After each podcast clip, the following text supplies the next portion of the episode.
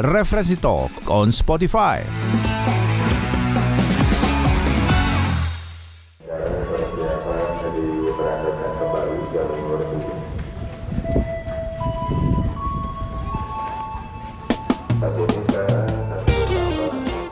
Suasana klasik masih terasa dengan masih ditemukannya ornamen-ornamen klasik di stasiun kereta api Bogor menemani ramainya calon penumpang setiap harinya yang melakukan mobilitas menuju dan dari Jakarta. Stasiun Bogor adalah salah satu stasiun besar di wilayah Jabodetabek yang setiap harinya melayani hampir 22.000 penumpang.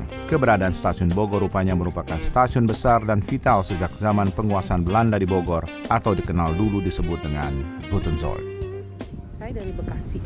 Ada sih lebih rapih ya lebih disiplin terus bagus sekarang selama pandemi ini naiknya juga teratur banyaklah kemajuannya gitu. Dengan Fitri dari Ciamas banyak perubahannya ya. Dulu dari zaman kereta masih ekonomi sampai ada kereta komuter lain ya karena saya juga kan kerja menggunakan KRL ya. Sekarang lebih bagus, lebih nyaman ya. Dulu kan kita kan ekonomi penuh, sekarang enggak. Apalagi sekarang kan udah menggunakan kartu ya.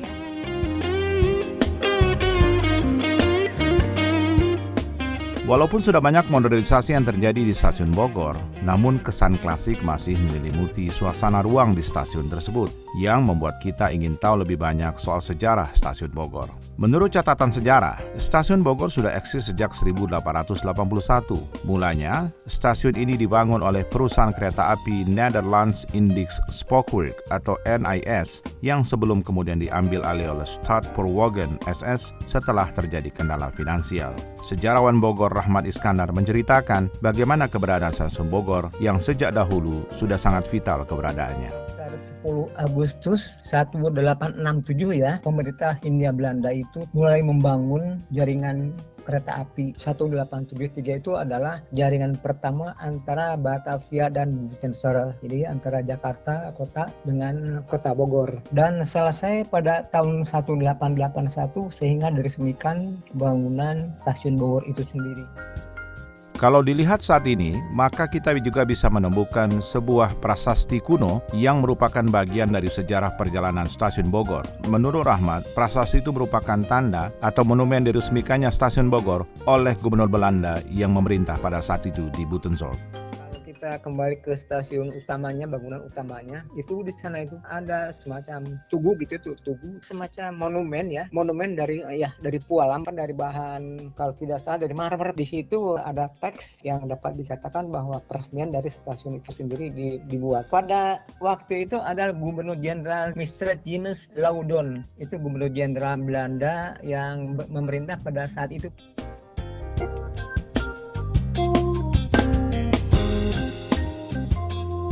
Stasiun Bogor mulanya difungsikan untuk kereta yang mengangkut hasil perkebunan dan pertanian terutama kopi. Di samping itu, stasiun ini juga melayani perjalanan gubernur jenderal yang akan pergi ke Batavia, Jakarta. Stasiun Bogor merupakan salah satu stasiun yang dilewati kereta listrik, namun rupanya stasiun Bogor sudah dilewati kereta listrik sejak tahun 1930 yang awalnya mendatangkan kereta listrik dari Eropa dan Amerika mengapa misalnya Belanda mengembangkan kemudian jalur itu dari dari Buitensor ya. Jadi pada 17 Mei 1884 itu dilanjutkan Bogor Cianjur. Kemudian 10 September 1884 itu Bogor Bandung Cicalengka. Nah, itu salah satunya adalah untuk mengangkut hasil pertanian sepanjang jalur itu yang ada kaitannya dengan pertanian perkebunan jadi mempercepat. Jadi itu jalur utamanya itu adalah dia bisa merasuk sampai ke pedalaman Stasiun Bogor menyimpan sejarah panjang pakai kereta api di Indonesia. Namun yang tidak kalah menarik adalah kita bisa melihat desain neoklasik dari arsitektur bangunan stasiun kereta api Bogor. Bangunan itu uh, sangat menarik, merupakan sebuah cermin dari peradaban arsitektur pada masa kolonial ya. Gaya dimaksud itu adalah gaya neoklasik karena di dalam hazanah arsitektur. Cirinya adalah relung-relung jendela, kemudian pintu-pintu, kemudian pada ornamen bata dinding-dinding dan kemudian kalau kita masuk ke dalam peron itu ciri khas dari bangunan abad itu adalah bangunan dari struktur baja. Jadi kita melihat ada tiang tiang-tiang baja yang ornamennya sangat bagus. Dan di situ tidak hanya cerminan dari masa neoklasik saja tapi juga ada ornamen yang disebut gaya-gaya art deco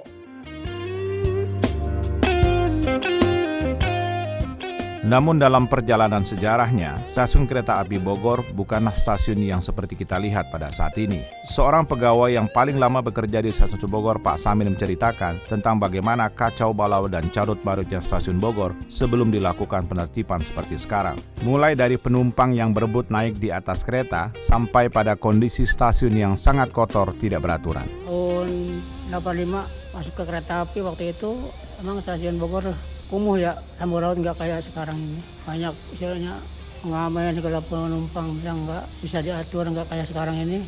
Lebih baik sekarang daripada tahun-tahun yang dulu gitu ya. Yang saya alami yang saya banyak penumpang naik di atas. Rebutan dulu kan kereta satu dua ya nggak nggak sekarang ini kan. Dulu mah penumpang nunggu, nunggu waktu nunggu naik kereta kan per jam-jam. Kalau sekarang kan beda penumpang masuk kereta udah banyak tinggal milih mau mau yang mana aja. Yakin udah tahu jadwal ada. Kalau sekarang kan 10 menit sekali kereta udah ada saat ini stasiun kereta Bogor sangat layak dan modern dalam pandangan kereta listrik Jabodetabek. Namun pemerintah tidak melupakan sejarah dengan menetapkan stasiun Bogor sebagai cagar budaya dengan SK Menbudpar 26 Maret tahun 2007. Sebagai fasilitas transportasi publik, stasiun Bogor terus berinovasi memberikan pelayanan yang prima. Kepala Stasiun Bogor Tri Waluyo mengatakan, selain memperluas infrastruktur berupa bangunan dan teknologi, kapasitas SDM dengan prinsip Service of Excellence juga diberikan kepada para penumpang perubahan yang dilakukan oleh PT Kereta Api Indonesia Persero ya. Untuk perubahan yang pertama adalah terkait dengan sistem tiketing. Kalau dulu ya pemesanan tiket langsung di loket dengan menggunakan tiket kertas. Dan tentunya kalau layanan seperti ini adalah yang jelas menimbulkan antrian yang panjang. Mulai tahun 2013 untuk sistem pemesanan tiket atau tiketing kita rubah menggunakan e-ticketing terkait dengan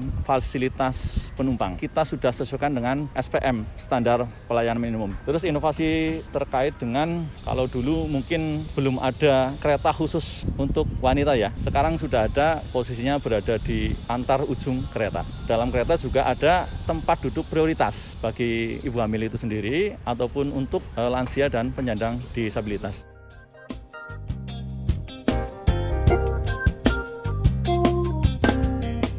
Tidak hanya soal pelayanan, Kepala Stasiun Bogor Tiwolojo juga mengatakan PT Kereta Komuter Jabodetabek juga memberikan perhatian kepada sejarah dan cagar budaya yang melekat di Stasiun Bogor saat ini. Untuk itu, pihaknya terus memberikan pelayanan terhadap cagar budaya Stasiun Bogor dengan tidak menghilangkan keunikan dan sejarah yang ada tanpa melupakan pelayanan yang prima untuk para calon penumpang kereta Stasiun Bogor tanggal 26 Maret tahun 2007, Stasiun Bogor ditetapkan sebagai Stasiun Cagar Budaya oleh Kemenbudpar. Tentu saja di sini kita melakukan perawatan agar bangunan itu tetap baik dan bagus. Nah, setiap hari kita melakukan pembersihan bagian bangunan-bangunan tersebut dan manakala terjadi kerusakan, kita segera membuat laporan kepada dinas terkait. Dalam hal ini adalah bangunan dinas Daob 1 Jakarta. Namun, stasiun Bogor bukan hanya sebagai fasilitas transportasi yang memiliki melayani negeri, juga memberikan wisata sejarah nostalgia yang menunjukkan kayanya sejarah Ibu Pertiwi. Maulana Isnarto, Adi Fajanul Karaha, Dedi Sudiana, dari Bogor, melaporkan.